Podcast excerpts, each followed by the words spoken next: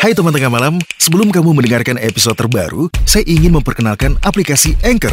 Aplikasi ini membantu saya untuk membuat setiap episode di podcast lewat tengah malam. Mulai dari merekam suara, mengedit podcast, sampai menambahkan lagu. Semuanya bisa kamu lakukan di Anchor. Cukup pakai smartphone kamu dan jangan lupa download Anchor sekarang juga di Google Play Store dan di App Store. Gratis.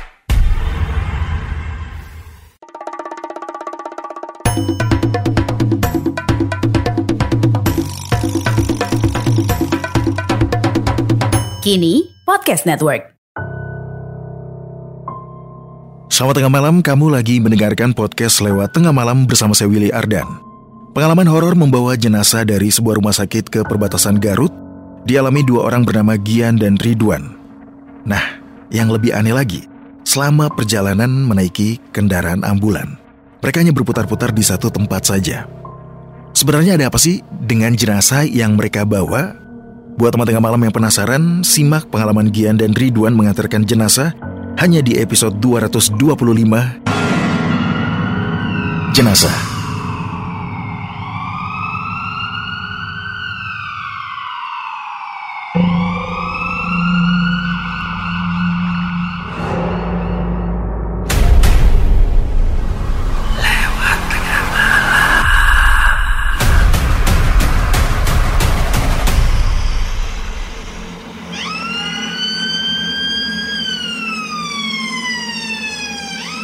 Ketiga zaman COVID-19 mengamuk di pertengahan tahun 2021, banyak mobil ambulans yang berseliweran.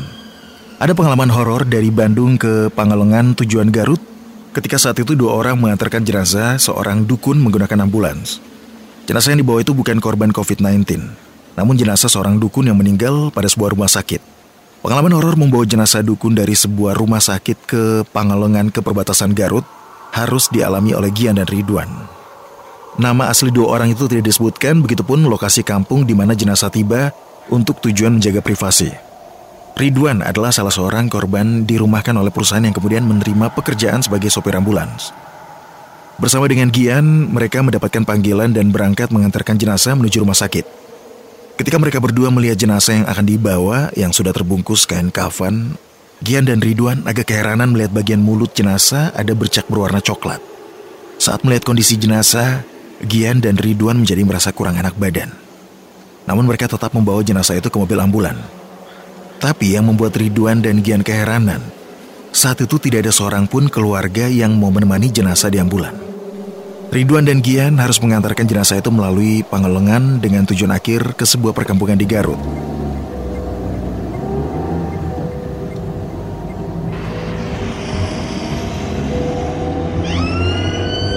Singkat cerita, Ridwan yang mengemudi ditemani Gian dan mereka melakukan perjalanan membawa atau mengantarkan jenazah malam hari melintasi Pangelengan. Namun ketika mereka melintasi hutan, mendadak suasana menjadi lain. Saat itu, hawa terasa lebih dingin. Lebih tepatnya, mendadak mereka merinding. Tapi Gian dan Ridwan tetap memaksakan mengobrol apa pun agar tetap ada suara tidak hening suasana saat itu. Tidak lama kemudian Gian dan Ridwan melihat situasi di kawasan hutan, sudah mulai terlihat sesuatu yang aneh. Misalnya saja, mereka melihat penampakan sosok berwarna putih di tepi jalan. Dan mereka juga sempat melihat ada sesuatu yang aneh bergelantungan di atas pohon.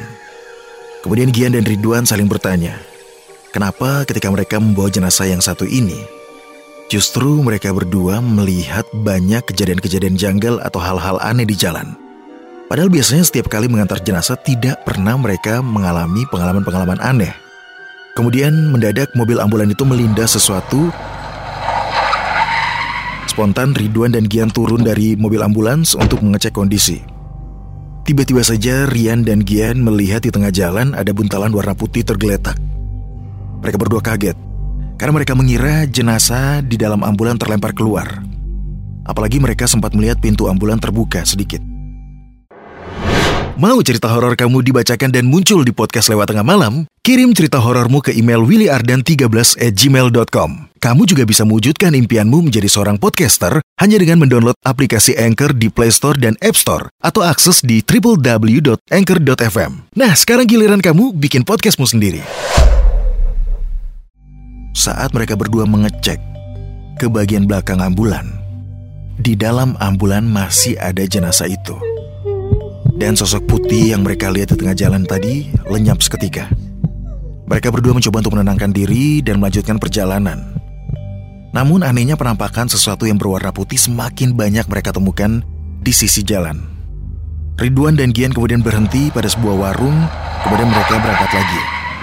Namun sebelum berangkat, ibu pemilik warung itu sempat bertanya, Loh, dek, itu temannya di dalam mobil, kok diam aja, nggak diajak? Spontan Ridwan dan Gian merinding saat mendengarkan cerita dari si ibu. Namun mereka berdua terus melanjutkan perjalanan dan sebelum berangkat Ridwan dan Gian sempat mengecek kondisi jenazah. Aneh, posisi kepala jenazah dukun itu sudah berubah berbalik arah. Di perjalanan Gian sempat bertanya kepada Ridwan, kenapa jenazah itu di bagian kepalanya banyak mengeluarkan darah. Namun saat mereka berdua melanjutkan perjalanan, kendaraan menjadi terasa semakin berat pada saat perjalanan melintasi hutan. Mereka kemudian mendapati ada sebuah SPBU untuk mengisi bahan bakar. Karena merasa takut, Gian kemudian memilih untuk turun dari mobil dan Ridwan pergi ke toilet. Tidak lama kemudian Ridwan muncul dari toilet dan buru-buru mengajak Gian untuk berangkat. Ridwan cuma bilang, nanti aku ceritakan, gak di sini. Anehnya selama perjalanan ternyata kendaraan ambulan itu hanya berputar-putar di tempat itu saja. Mereka berdua semakin bingung dan semakin takut. Barulah menjelang pukul 4 dini hari, ambulan itu sampai di tempat tujuan dan disambut oleh keluarga almarhum serta seorang ustadz.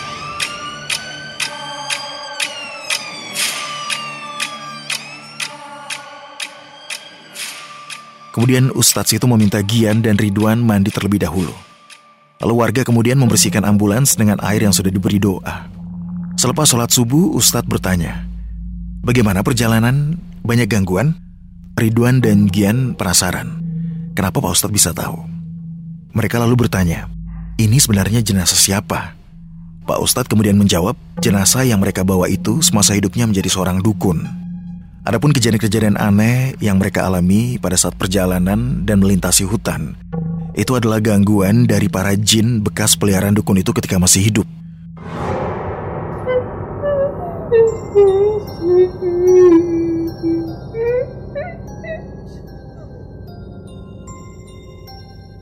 Setelah istirahat sebentar, Ridwan dan Gian pun pulang kembali ke Bandung.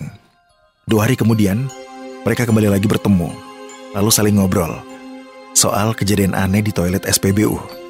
Kemudian Ridwan menceritakan saat dia masuk ke dalam toilet, dia melihat Gian ada di dalam toilet, sedang kencing. Tapi anehnya saat dia meninggalkan toilet, tiba-tiba dia melihat Gian justru sedang ngobrol dengan petugas SPBU. Gian ada di luar, bukan di dalam toilet. Pertanyaannya, siapa sosok yang menjadi Gian di dalam toilet?